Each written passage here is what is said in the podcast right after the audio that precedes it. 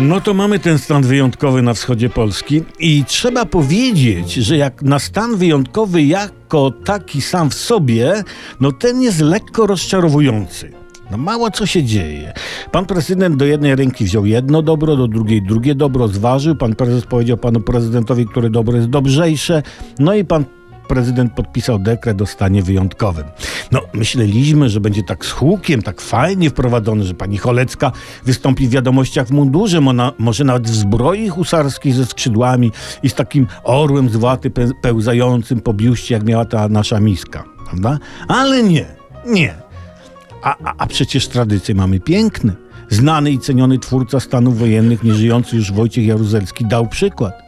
Gdziekolwiek generał teraz jest, w oczach stanęły mu, mówiliśmy o tym, kręcące się łzy wzruszenia, moja, moja szkoła jakby nie wprost płacze, a, a jednocześnie nie może nie czuć pewnego rozczarowania miałkością obecnego stanu wyjątkowego. Jedyne podobieństwo to to, że nie ma w programie pierwszym TVP Teleranka, prawda? No ale już czasy takie, takie więcej połowiczne.